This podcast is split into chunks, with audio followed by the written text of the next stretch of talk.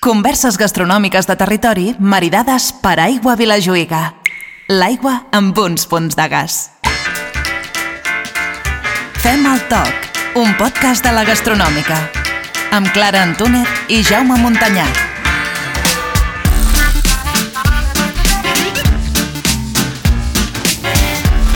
Hola, Clara.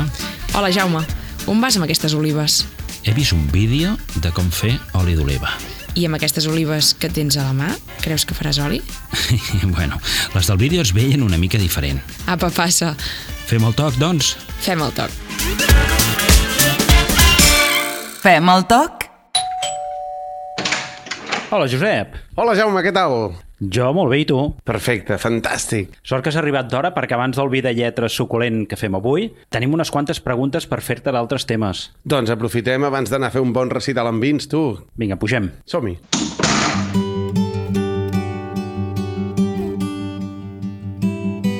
En Josep Pedrals és poeta i recitador. Premi Ciutat de Barcelona de Literatura l'any 2018. Ha publicat un bon grapat de llibres. És col·laborador habitual de la gastronòmica amb l'espectacle Vida Lletres Suculent.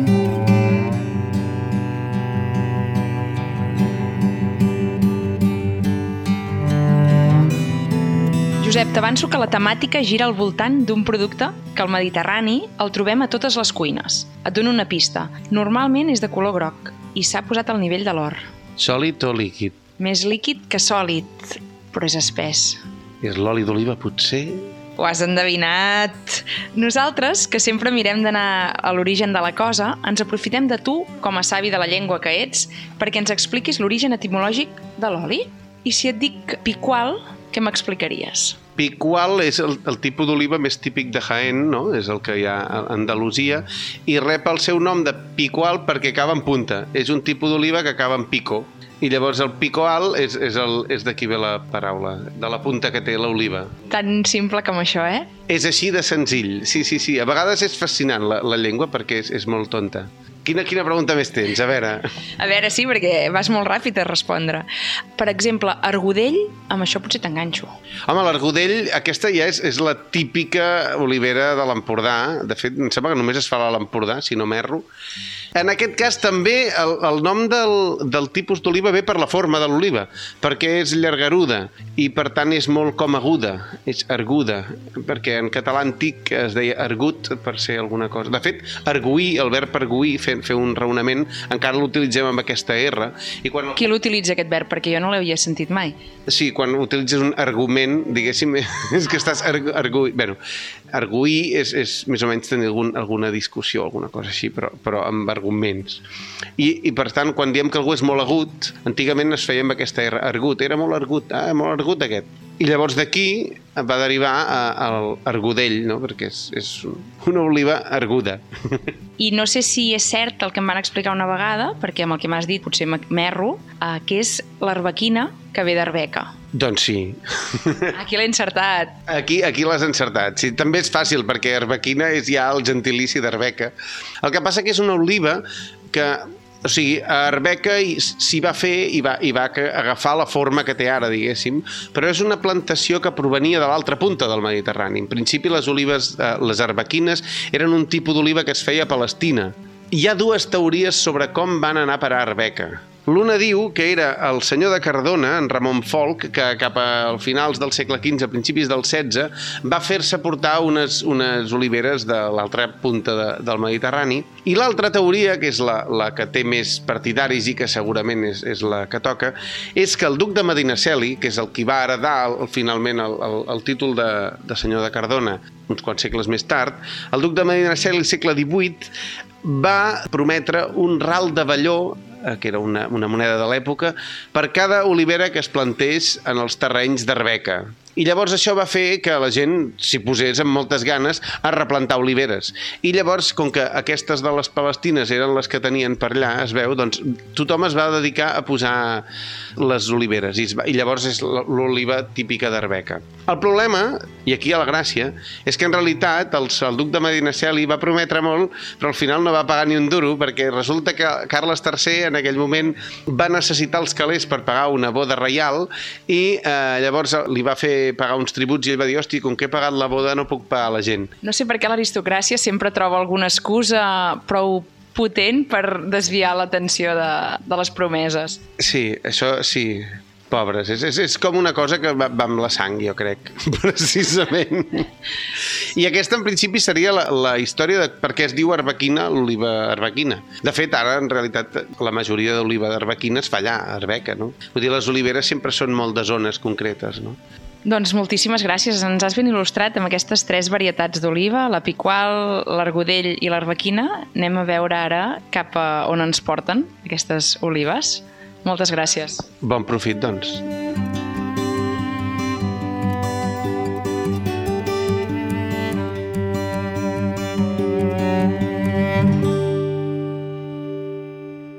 Fem el toc.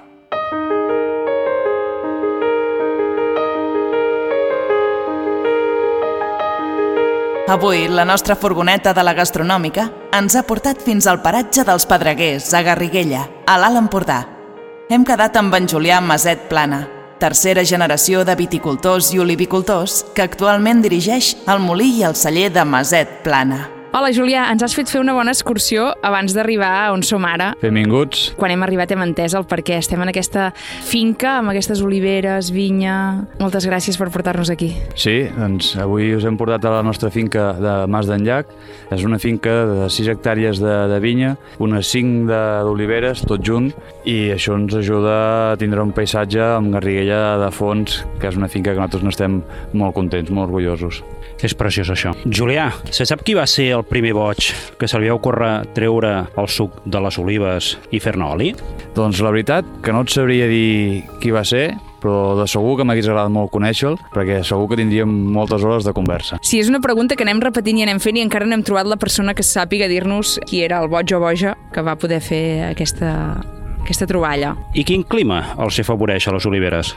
L'olivera li agrada més el clima mediterrani. Aguanta una mica també el clima atlàntic, però sobretot si veiem la, les zones productores de- d'oli, veiem que és la conca mediterrània, no? Ens agrada aquest clima una mica més, més atemperat. I aquest color de les olives sempre passa de verd a negre? Quasi sempre.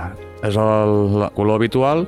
I a nosaltres tenim una varietat d'oliva que es diu la marfil i el nom li ve per això, perquè l'oliva és verda i en, lloc, i en lloc de madurar a negre ve aquest color blanc lletós, bueno, com si fos de color marfil, per això, li, per això el nom. I d'aquesta també se'n fa oli.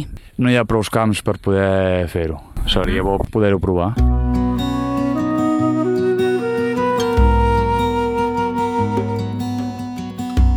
Per què tenim oli de tanta qualitat aquí a casa nostra? perquè no som una gran zona productora i això ens permet poder-nos especialitzar. Tenim la, la varietat típica de l'argodell, que són uns olis que són molt bons i collint-los una mica més verds i més ben elaborats encara són molt més aromàtics, molt més equilibrats, tenen molt més bon gust i quasi, quasi que la mateixa oliva t'obliga a estar perfeccionant la qualitat de, de l'oli i així doncs anar-lo millorant. Julià, estem aquí a Maset Plana, en aquestes oliveres, eh, aquest paisatge super mediterrani, i ara ens has parlat de l'argodell, aquesta varietat eh, autòctona i molt tradicional aquí a l'Empordà, però a part d'aquesta em sembla que en teniu d'altres. Quines varietats treballeu? Nosaltres a casa tenim la gran majoria d'argodell, vam plantar fa uns anys un camp petit de- d'arbequina i sí que hem comprat alguna finca que hi ha piqual. I quina és l'olivera més antiga que tens? No les tinc totes datades, mm, hauríem de consultar-ho, però tenim alguns camps que sí que són d'oliveres bastant velles. El que passa que avui en dia el sistema de recol·lecció ha canviat i hem de buscar poder mecanitzar una mica més i això ens obliga a tallar alguna branca i que vers l'olivera pot ser molt antiga però no sembla que sigui tant. Escolta'm, i per què les oliveres poden viure tants anys? Suposo perquè és un arbre que va al seu ritme, no s'estressa tant i no es preocupa massa dels altres. I això suposo que és qualitat de vida, No és del segle XXI.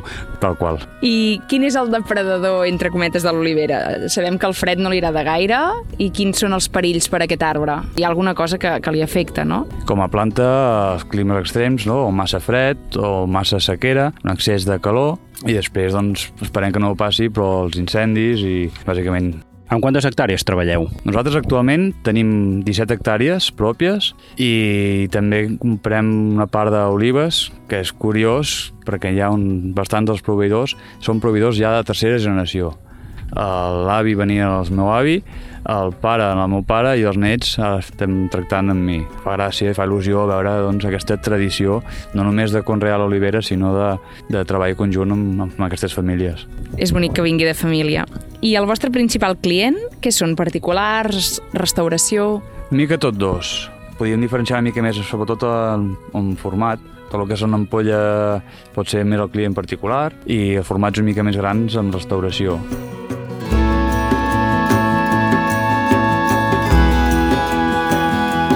Fem el toc, un podcast de la gastronòmica. Amb Clara Antúnez i Jaume Montanyà.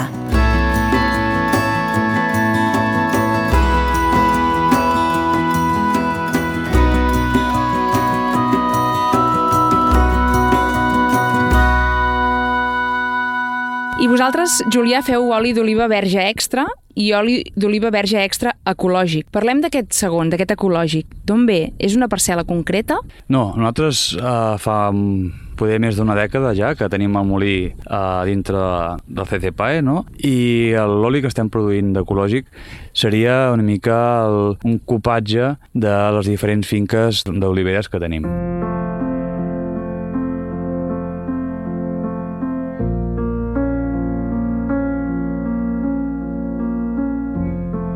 Actualment, l'alimentació ecològica impulsa tot el sector agroalimentari. Us compensa aquest sobreesforç de la producció ecològica? I per què veu decidir fer aquest oli ecològic? Bé, doncs podríem dir que, com, com bé diu el meu pare, amb l'agricultura sempre et faràs més savi que ric. I sí que és cert que l'agricultura doncs, implica molta feina. Si compensa, jo crec que sí, perquè al final som el que mengem. Si no mengem sants, no podrem ni aconseguirem estar sants i també treballem l'entorn. Vivim del camp. Si no cuidem el camp, no tindrem futur en el propi camp. I com ho podem notar? És a dir, quines diferències hi ha amb els altres olis? Clar, a nivell organolèptic no és tant el fet de que sigui ecològic o no, estaríem parlant més d'elaboració, de maduració de l'oliva, del cuidado, no? Pel sabor, que sigui eco o no, no es nota tant el gust, el que sí és com a residus, com a nivell d'herbicides, de, de pesticides, etc que pugui portar el propi oli a nivell seria més analític de química. És a dir, enllaçant amb això, com protegiu els arbres de les plagues, insectes, si no es poden fer servir herbicides, ni pesticides, ni, ni aquestes coses? Últimament estem fent servir mètodes que són els que havien fet els nostres avis, que era basar-se molt en l'observació. I ja el que feien era, van detectar que les oliveres que estaven més a prop dels camins són els que menys mosca, eh, ten, els que menys picades de mosca tenien. I nosaltres el que fem ara és posem caolí, que és una espècie com d'argila, de, de, de polvos de talc, i el que fem és passem a embrutir les olives. Com que brillen menys, la mosca els pica menys. I al final és una argila que amb l'aigua se'n va, no hi ha res de química. És una manera de, de lluitar-ho. Paral·lelament també, a part de fer els olis ecològics, l'objectiu també és perquè la flora i la fauna que hi ha, que es vagi recuperant i regenerant, hi hagi els depredadors naturals que ens ajudin a lluitar contra insectes i malalties que, que hi ha a l'olivar. Ara que portàvem molts anys que volíem que tot brillés, les fruites, les verdures, eh, tornem enrere per aconseguir que siguin més saludables sense aquesta presència visual i que els insectes també busquen aquesta no? brillantor i, i l'intentem treure. T'ha agradat això, Clara, eh? Molt, molt, m'ha agradat.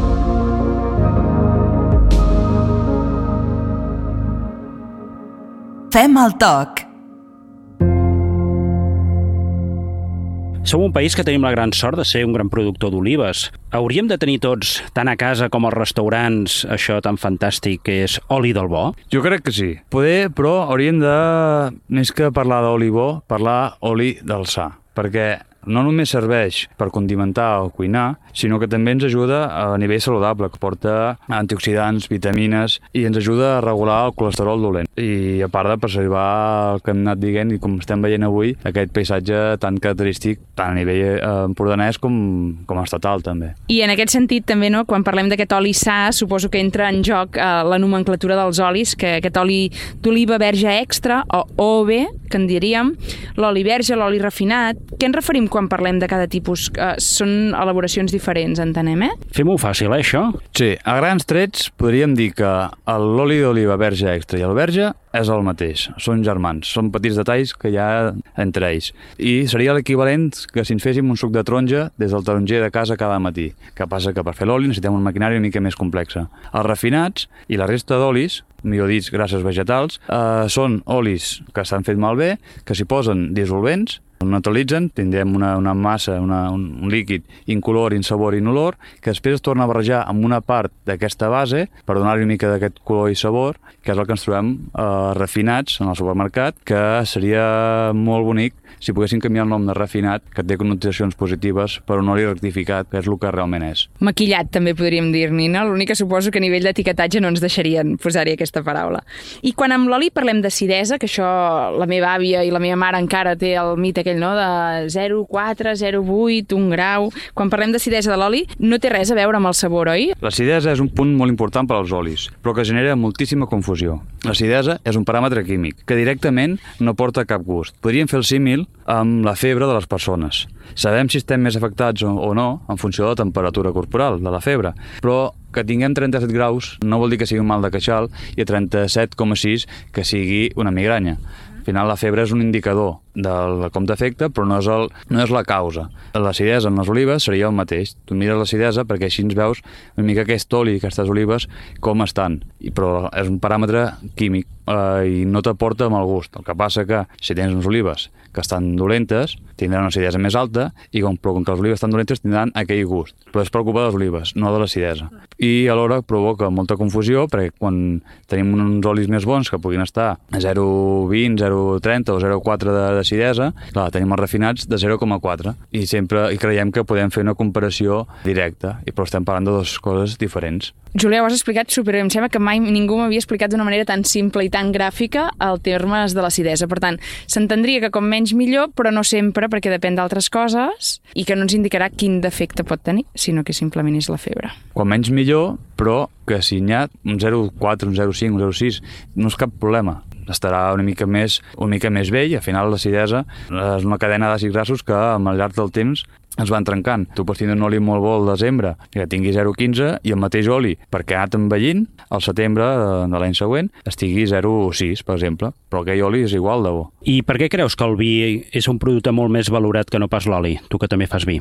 Jo crec que això és més de cares a, al vi, tu pots elaborar més. És dir, tens, des del moment de la fermentació, entre que dura entre 10 i 15-20 dies amb la maceració inclús, pots elaborar el producte.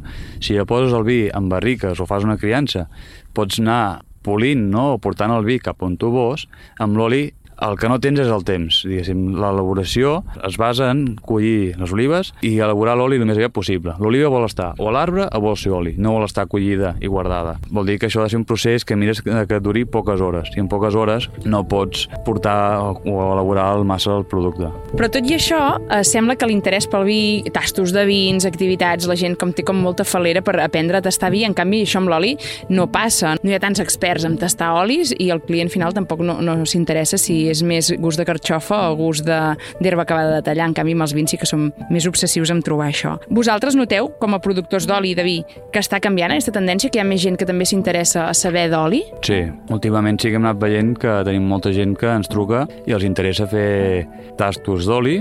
Bueno, de fet, els fem. La diferència amb el vi és que amb el vi es poder sembla bé més de gust, és més fàcil. Normalment també te'l prens una mica més fresc, sobretot quan fa calor, encara ve més de gust, i el pots arribar a escopir. Amb l'oli no, l'oli, en teoria, hauries d'empassar per veure el gust que et deixa a la boca. Normalment veus que la cara del consumidor, no és que s'espanti, però diguem, s'ho mira una mica eh, en perspectiva. Se'ls hi fa una mica més feixuc, potser no hi ha, no hi ha l'hàbit, no? Tal qual. Hi ha un element que tira enrere bona part dels consumidors a l'hora de comprar l'oli d'oliva verge extra, el preu. Com a tercera generació de productors d'oli, què els hi diries? És car l'oli? El preu, un element tan susceptible a l'hora de comprar i tan important. Jo crec que l'oli l'oli és barat, l'oli d'oliva és barat. El que és car és la inversió en el moment de compra, perquè una grafa costarà 30 euros o 25 o 40. Però el consum d'oli per una família en un any estem parlant que estem de 25, 30, 35 cèntims per persona i dia. I és més car el tabac, a la gran majoria de mòbils que tenim. Aquí has tirat amb bala, eh? Una tablet, qualsevol cosa, sigui, costa més. L'oli, el problema que té és l'inversió que és més elevada, però realment el consum és molt baix. No, no, jo em quedo amb aquest titular. L'oli és barat. I jo sempre dic també no, que uh, si fas aquesta divisió, si, si no mires el preu total, sinó el preu per persona i dia, que has dit que són 25 cèntims, això tots ho podem invertir, perquè estem invertint en salut també, i el que dèiem abans, no? ens obsessionem amb dietes d'aprimament, baixar greixos, etc.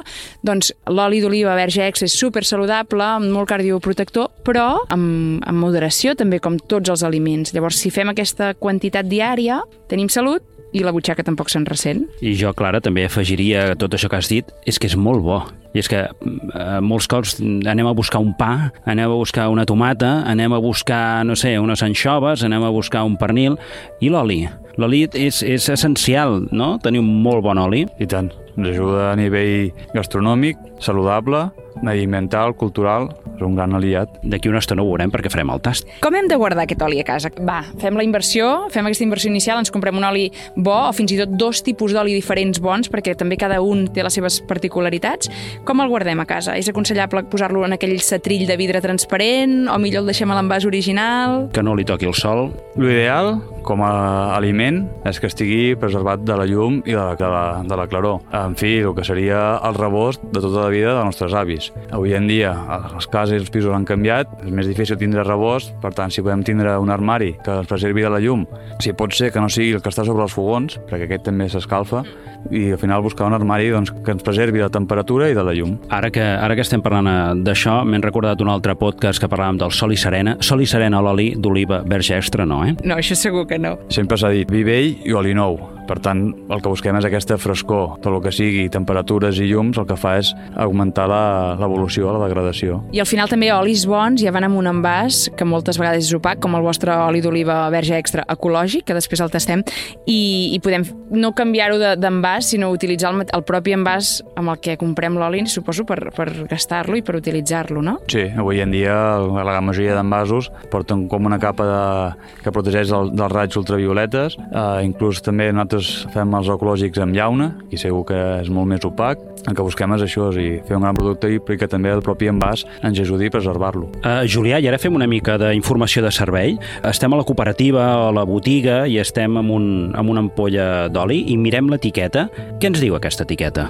En l'etiqueta depèn de cada elaborador. Hi ha una informació que és la mínima obligatòria de quin producte estem a punt de comprar, no? si és un oli verge o un verge extra ens hauria de marcar lot per tindre el control de, de, de quin producte és i amb l'oli ja fa un parell d'anys que ens obrien a marcar la collita és igual que amb el vi. De seguida ho posem no? i mira aquesta, aquesta ampolla de vi és d'aquest any o d'aquesta collita. Amb l'oli també ho anem posant per veure per mica el que dèiem vi vell i oli, i oli novell per això que es vegi doncs, sempre tindre olis més frescos. I mira, ara ens has fet un spoiler, perquè aquesta era una de les preguntes que teníem preparades, eh? si, si portaven collita o no, perquè ens pensàvem que no, i de fet a mi, jo encara n'he vist molts que, que no hi és a l'etiqueta, perquè deu ser tan nova la legislació que, que encara no, no estem tots al dia, no? Sí, això que ha dit el Julià ens ha fet molt mal, perquè ara començarem a veure els olis que tenim per casa i no sé si anirem bé. Esperem que no, que, que tots siguin joves.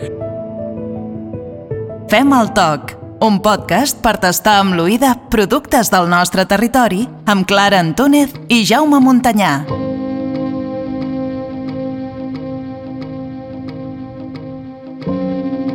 I està claríssim, Julià, que d'oli en mengem tot l'any, però de collita només n'hi ha un cop l'any. Quin és el millor moment de l'any per consumir-lo? Quan és més nou, com deies tu? Just quan s'acaba d'elaborar, l'oli aquest que, que surt, no? que seria l'oli flor, oli de raig, oli de primera prensada, és un oli acabat de fer, aquest és, personalment considero que està tremendament bo. I és un oli que s'ha acabat de fer en les darreres hores i que és molt més aromàtic i tèrbol. Per tant, el podem consumir, no hi ha cap problema, però no és un oli que el puguem guardar tal qual, perquè els pòsits aquests que faran doncs acabaran portant eh, mals sabors. I aquí a l'Empordà quan es collen les olives? La collita sol començar a finals d'octubre i s'allarga fins a finals de desembre, principis de gener, depèn de la tramuntana, si ens sap treballar o no, la pluja, la, més o menys en aquests tres mesos. És a dir, que tu vens de barema i engeses amb això, ha de ser una vida fantàstica eh, durant aquests mesos? Sí, és una època bastant completa i suposo que depèn de la varietat també hi ha varietats més primerenques i més tardanes.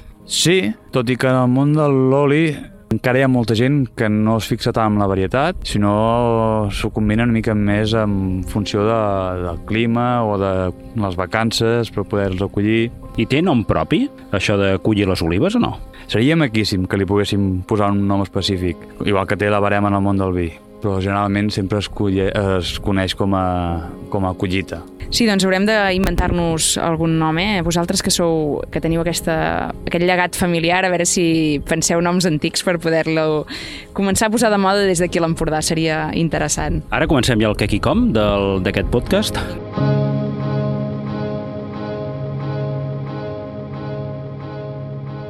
I, Juliet, preguntaríem quan sol pesar una oliva, però suposo que això no ho heu pesat mai, una a una. Tot el dia a dia no, anem pesant partides una mica, una mica més grans. El pes de, específic d'una oliva podem estar parlant de pocs grams, 1,3, 1,8, depèn de la varietat, arbequina, que és més petita, o la piqual, que és bastant més gran. Bueno, clar, ara semblava que dèiem una tonteria, però un dia que vam estar aquí amb en Julià i que vam veure com li portaven olives, suposo que també deu ser molt còmic perquè a vegades algú té una olivera a casa i ve fer oli no, d'una olivera i una olivera potser no sé quantes olives pot treure. Depèn de la gestió que s'hi hagi fet, podríem estar parlant d'una mica que estigui mal cuidada, pots fer un o dos quilos per arbre, si ja treballes una mica bé hauries d'anar a buscar ja aquests 10-15 quilos seria l'habitual i ben portada de 15 a 25 quilos. I d'un quilo d'olives, quan sortiria d'oli? Doncs si són olives més verdes, podríem estar parlant d'un 10, un 15% de rendiment, i oliva una mica més madura, eh, des d'un 16 a un 25, molt final de temporada. És poquíssim, eh, si ho pensem, un 10% d'aprofitament del, del producte inicial. Per tant, per això diem que és or líquid, no? I per això aquesta importància de consumir-ne poc i bo i, i saber molt a on el posem i no llançar aquella última cullerada o aquell culet d'oli que ens queda a l'ampolla perquè allò té un valor. Hi ha moltes olives al darrere d'aquell culet d'oli. Clara, com està el rendiment amb el, amb el vi? Per normativa és un 70-74 i després depèn del vi que vulguis elaborar. Un flor eh, te'n vas a un 35, 40, 50%. Sí. Ostres, que hi ha una diferència espectacular, no? Llavors, en, amb l'oli, sí, sí.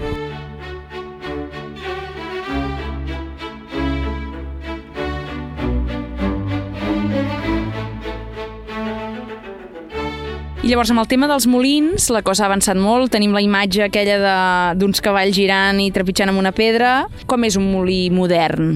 Els molins d'avui en dia han canviat molt.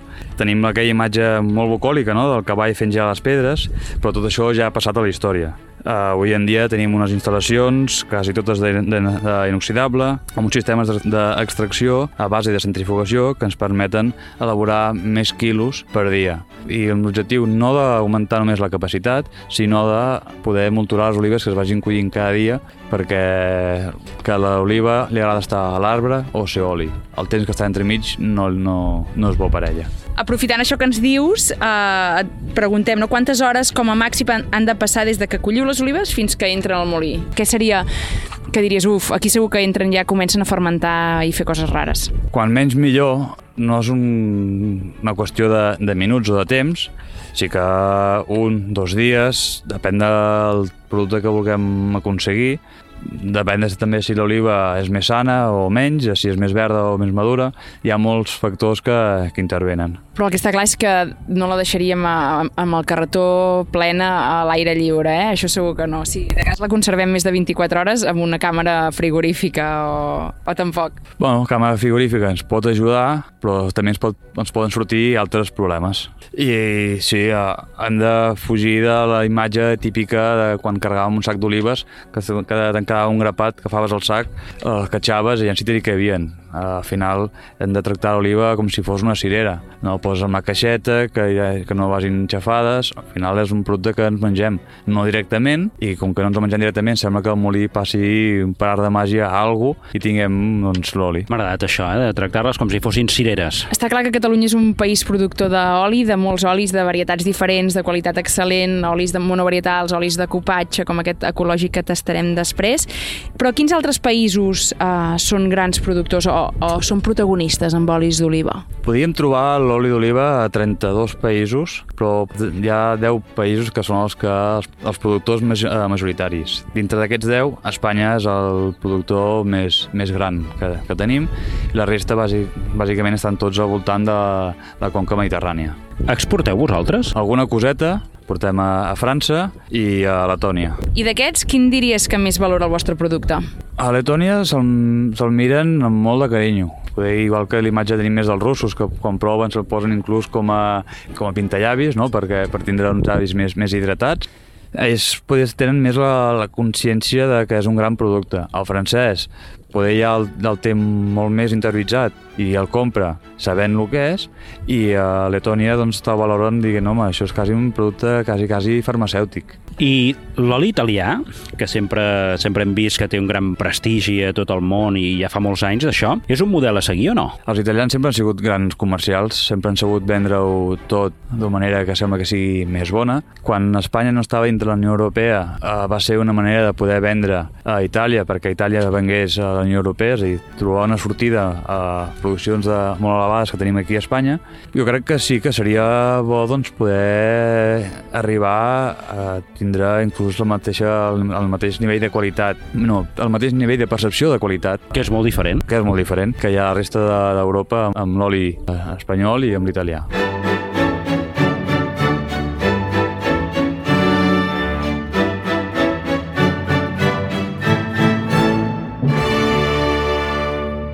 L'últim glob.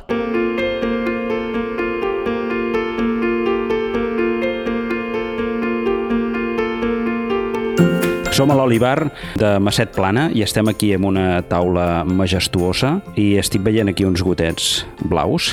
Clara, m'expliques què és tot això? Doncs aquests mini gotets que semblen copa sense peu de color blau marí és l'eina professional per poder tastar olis i són molt diferents del que utilitzem per tastar vins. No podem tastar com Déu mana amb aquestes copes de cristall blanques? L'oli no, que ens ho digui el Julià perquè és així. Amb l'oli el que busquem són aquestes copes de color blau perquè el color no ens indueixi, no ens influeixi en decidir si un oli és més verd o, o n'és menys. Per això el color. També posem aquest vidre de, de rellotge a sobre perquè els aromes que siguin més volàtils no se'ns en vagin, que els puguem detectar abans de que, de que marxin. Molt bé, mentre està xerrant aquí en Julià, la Clara ja està fent de les seves. Ja, ja has olorat els tres amb aquesta rapidesa?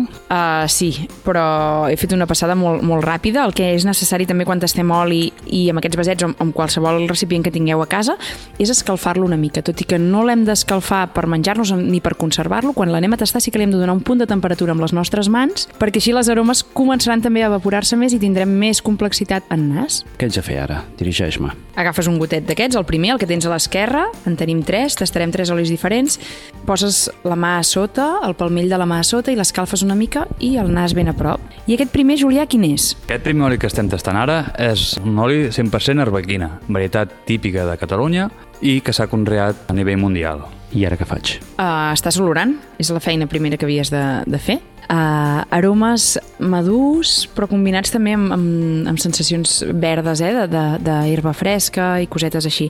L'arbequina és una varietat que depenent molt del punt de maduresa que escolli, si no Julià vés també rectificant, té uns sabors a uns altres i eh, no sé si també el lloc d'orígens, aquesta és arbequina de l'Empordà, és diferent d'arbequines d'altres territoris, de Siurana, per exemple. Una mica l'entorn sí que influencia, al final la varietat marca molt com surt, però el clima, igual que ens passa amb el vi, que tenim el terroir, no? que els sols, climes ens influeixen i amb, amb l'olivera ens passa el mateix. I ara és important doncs, que la tastem, fem un petit glopet i com amb el vi el movem per sobre la llengua, deixem notar la cremositat d'aquest oli i fem entrar aire, que això amb el vi també ho fem amb el vi és més difícil, amb l'oli és més fàcil perquè pots empassar i després fer entrar aire.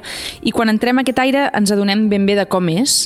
És, una és molt equilibrat, dolç, plàtan, molt bé, uh, picants al final, una mica de picant, que això ens demostra que és un oli fresc, que és un oli... Plàtan, maduixa? Sí, amb la, amb la requina normalment, a part dels sabors, també notarem una textura una mica més lleugera si ho comparem amb l'argudell. Després quan el tastem serà més fàcil identificar les, veure les diferències entre un i l'altre. La temperatura és l'adequada? Uh, sí, comencem sempre, segurament, depèn de l'època de l'any, començarem més fresc i l'anirem escalfant amb les mans, a l'hivern s'ha d'escalfar molt, a l'estiu no tant, però sí, sí, sí. Temperatura ambient i, i modelada amb les mans. Perquè com que abans parlàvem de la temperatura de, de on tenir l'oli d'oliva, no? verge extra, per això ara pensava si, si realment és aquesta temperatura. Potser també avui fa molta calor. Realment, l'estona que estem tastant tampoc no és suficient perquè l'oli tingui temps d'oxidar-se, quan l'oxidació és amb, amb, amb més dies, més hores, setmanes. Sí, és el que dèiem. Una cosa seria uh, la temperatura de, per conservar l'oli, per poder-lo disfrutar eh, sempre que al moment de, de consumir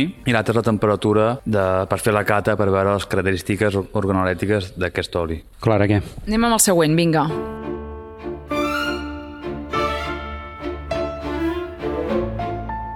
Anem per aquest argudell, que de fet avui estem tastant dos monovarietals, l'arbequina, l'argudell, i l'últim serà el protagonista del podcast, que és l'ecològic, que és un copatge d'aquestes varietats, i una tercera que sola no la tastem, que és la picual. I aquest argudell a mi és una varietat que em fascina perquè és molt original, té unes aromes i uns sabors poc corrents, poc habituals, i quan tastes a cegues olis ets fàcilment reconeixible. Sí, l'oli de, la veritat, l'oli d'argudell és un oli molt, molt característic, és un oli que té una mica més de cos, no? una mica tal com, com es presenta, també amb el seu nom, no? un argudell, un nom més consonant. Quan tastem l'oli és el que ens trobem, un oli més dens, podríem dir, més cos, amb una mica picant, que ens fa, ens fa tossir, i alhora es nota també bastant més madur. Aquí el que buscàvem és tindre una mica un copatge entre argudell verd i una mica de- d'argudell madur per donar-li aquests tocs una mica dolços que trobem al final de, del paladar. A mi una característica que m'agrada molt de l'argudell i en aquí hi ha molta presència, més en boca que en nas potser, és el tema de la carxofa, la carxofa aquesta verdura tan humil i tan deliciosa, en els olis també li notem i a l'argudell eh, en concret eh, s'hi nota bastant.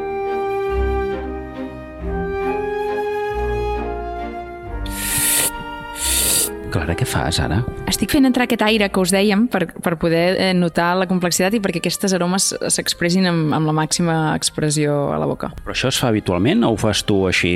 Això tècnicament eh, amb els tastos professionals d'oli es fa i quan algú de vosaltres, dels que ens esteu escoltant, eh, tasteu oli, per primera vegada o aquell oli que us heu gastat tants calés, feu-ho perquè realment notareu... I quin nom tècnic té això? No ho sé.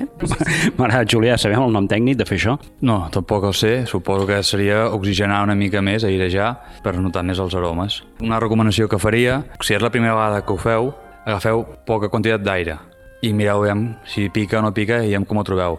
Perquè si sou valents i feu fort i pica molt, us tossireu una, una bona estona.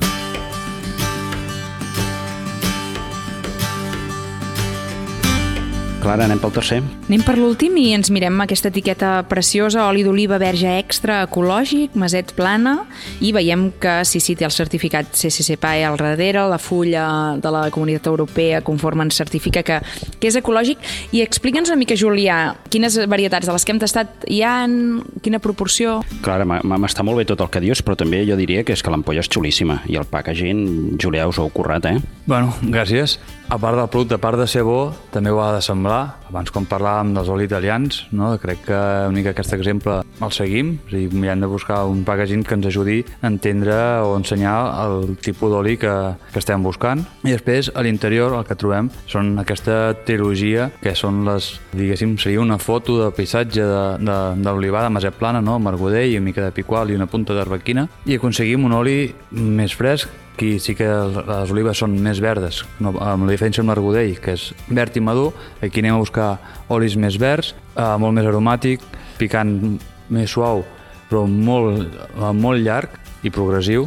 I mm, és molta aroma d'herba, de, de tomatera, Sí, sí, molt més aromàtic. A mi m'encanta perquè és molt més equilibrat també. Al final, els monovarietals d'oli m'agraden per aprendre'n. Quan estàs iniciant està bé que ta- tastis per separat, però si realment vols gaudir amb una taula, amb, amb amics, eh, d'un bon oli, d'una bona combinació, a mi els olis de copatge m'encanten perquè tenen allò que han de tenir, perquè els elaboradors ja us heu encarregat de trobar no? quina part de cada oliva és beneficiosa per anar junta.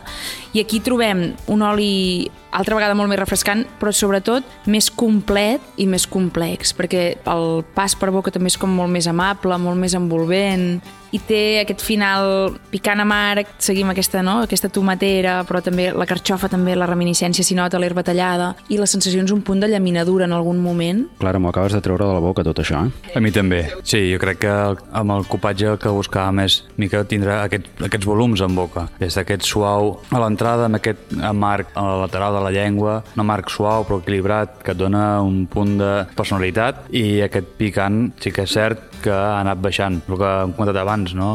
Oli, oli novell i vi vell, doncs l'oli amb el temps sí que va evolucionant i aquest picant ara ja es, es nota molt menys i fa un oli més equilibrat. Tu dius que no ho notes perquè suposo que estàs acostumat a tastar olis amb uns a nivells de picant molt alts, perquè jo ho noto bastant i suposo que la gent de casa, encara ara, i, i encara li falten mesos, té vida aquest oli, eh? encara dins l'ampolla, té, té molta vida. Jo que sóc de P3 d'olis, eh, he notat un picant aquí molt xulo. Segurament deu ser això, que si estàs més acostumat el, el llindar eh, varia. Ara intentava pensar en què podríem combinar-lo, perquè els olis també depenent molt de, de si són més amargs, de si són més dolços, de si són més picants, el producte amb el que hi posem anirà millor o pitjor. I jo aquest el veig, és que és això, eh? Tastant-lo, se m'han com obert els ulls de cop i he dit, és que aquí és per tot, és, és com que tot arreu hi anirà bé i realçarà el que li toca a cada cosa, perquè a vegades si tenim un oli molt potent es menja el producte subtil, si tenim un lluç bullit i li posem un oli massa fort, s'emporta el lluç. En canvi aquest té suficients coses per, per aportar personalitat sense menjar-se el producte amb el que ho combinem. Sí, jo crec que amb l'oli podríem fer igual, inclús més, que amb el vi.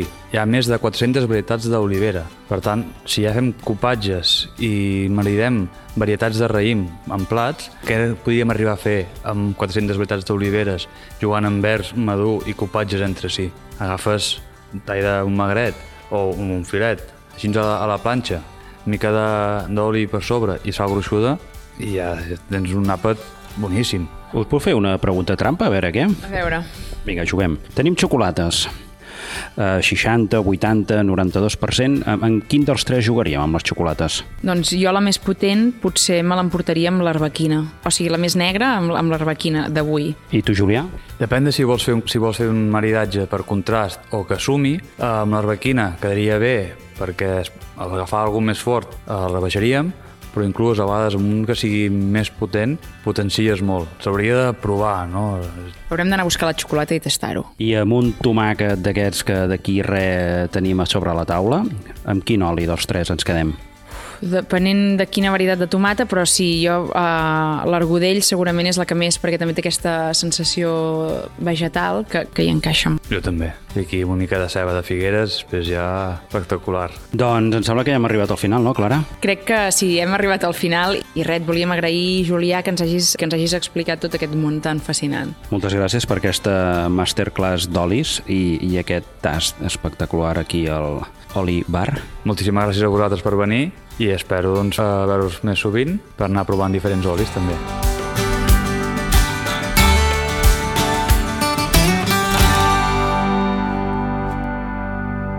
I recordeu que aquests olis poden amanir molts dels productes que hem anat fent en els nostres podcasts i si voleu continuar seguint-nos, sabeu que ho podeu fer a Spotify, iTunes i iVoox amb l'usuari Fem el Toc, la gastronòmica. I ens podeu seguir a les nostres xarxes socials, Clara, on? Instagram i Twitter, arroba guió baix, la gastronòmica. Fins aviat! Fins aviat, adeu, adeu. Aquest és un podcast de la gastronòmica amb el suport tècnic de Ràdio Palamós i locutors catalans. Converses gastronòmiques de territori maridades per aigua Vilajuïga. L'aigua amb uns punts de gas.